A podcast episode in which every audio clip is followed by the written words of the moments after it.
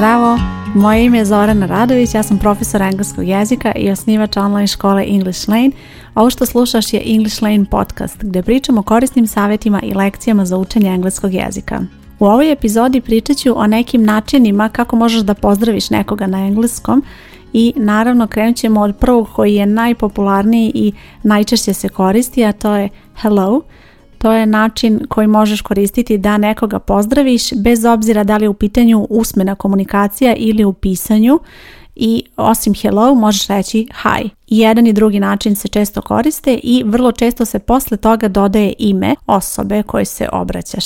Ove reči znače zdravo i ćao, a osim njih se koristi i reč hej tim da je hej tipično za usmenu komunikaciju i koristi se u nekim neformalnim situacijama i vrlo je bitan način na koji izgovaraš ovu reč. Ako kažeš hej, to je onda pozitivno i obraćaš se nekome, posebno grupi ljudi, a ova reč može biti i negativna ako malo povisiš ton i želiš nekome da se obratiš onako hej i tako dalje nastaviš rečenicu, tada se to smatra negativno i kao da želiš da uđeš u svađu sa nekim. Sljedeće reči koje koristiš da pozdraviš nekoga su good morning, good afternoon, good evening. I te reči se koriste u zavisnosti od doba dana, dobro jutro, dobar dan i dobro veče. Ovo su neki izrazi koje ćeš dosta rano naučiti kada je u pitanju učenja engleskog jezika i možeš ih koristiti i u pisanoj i usmenoj komunikaciji. Kada je u pitanju usmena komunikacija i malo manje formalne situacije, postoji mogućnost da skratiš ove pozdrave i da umjesto good morning samo kažeš morning. Također i za ove druge reči, umjesto ove reči good, izostavit ćeš i samo ćeš reći afternoon, evening. Na taj način isto si rekla, isti je smisao, samo što je situacija malo drugačija i koristiš to u nekoj manje formalnoj situaciji.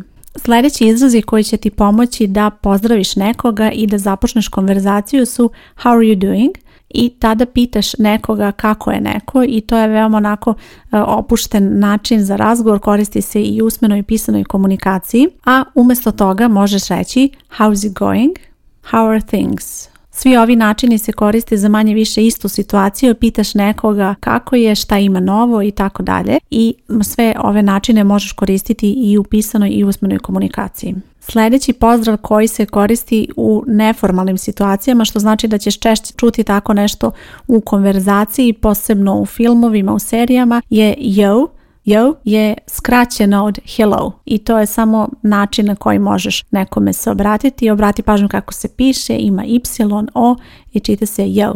Sljedeća tri izraza ćeš koristiti ako osobu nisi vidjela neko vrijeme i onda ćeš upotrebiti neke od ovih izraza da pozdraviš tu osobu. Nice to see you.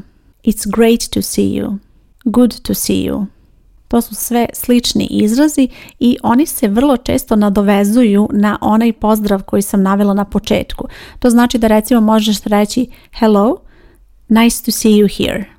To pa, je recimo situacija kada možeš to sve zajedno da upotrebiš u konverzaciji, da pozdraviš nekoga i na taj način započneš konverzaciju. Još tri izraza koje se koriste kada nekoga nisi videla, posebno kada je u pitanju neki duži vremenski period. Ovi izrazi se često koriste tada u tim situacijama da započneš konverzaciju i vrlo često ćeš posle njih dodati how are you ili how are you doing, how are things i tako dalje, one izraze koje sam već navela. Pre nego što nastavim, ako si član English Lane škole, obrati pažnju posle ove lekcije će biti vežbanja tako da možeš da provežbaš sve ove izraze i uradiš praktični zadatak. Ako nisi član English Lane škole, Predlažem da se prijaviš i kreneš sa učenjem, učit ćeš online putem online kurseva i naravno uz moju pomoć. Na ovoj stranici gdje slušaš podcast ostavit ću link ili možeš da potražiš na internetu English Lane online škola i tu ćeš moći da se prijaviš. Pa da se vratimo na ove izraze koje koristiš kada nekoga dugo nisi videla.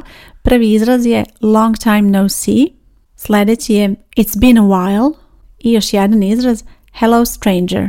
Posle ovih izraza obično se koristi how are you da piteš osobu, znači na početku konstatuješ da osobu dugo nisi videla i onda nastavljaš how are you, how are you doing, how are things i tako dalje, jer poenta je da na taj način pokrećeš konverzaciju, odnosno krećeš da pričaš sa osobom i povezuješ se koristeći ovako neke izraze za konverzaciju.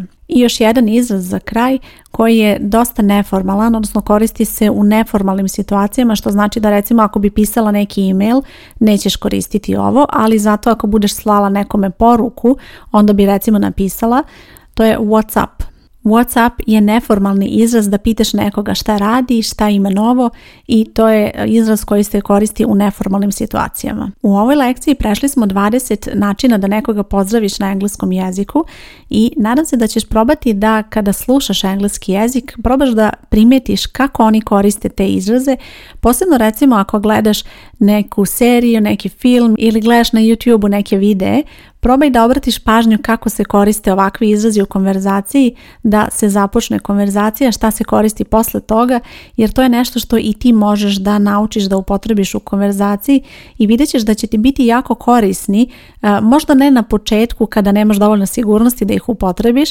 ali vremenom će ti biti izuzetno korisni i dosta će tvoja konverzacija na engleskom zvučati sigurnije i bolje kada znaš ovako neke praktične izraze. Inače znam iz iskustva da se mnogi baš spetljaju na početku kada su u pitanju ti izrazi za početak razgovora i ne znaju prosto šta da kažu na početku kako da krenu razgovor i nadam se da će ti ovi izrazi pomoći u tome. Još jednom ću te pozvati da nam se priključiš, u pitanju je English online škola i na ovoj stranici gdje slušaš bit će link da možeš da pogledaš više u školi i proveriš da li je ovakav način načina učenja nešto što će tebi odgovarati i pomoći ti da kreniš, odnosno napreduješ sa učenjem engleskog jezika. Hvala ti što slušaš podcast, ja sam Zorana Radović i čujemo se uskoro. Ćao!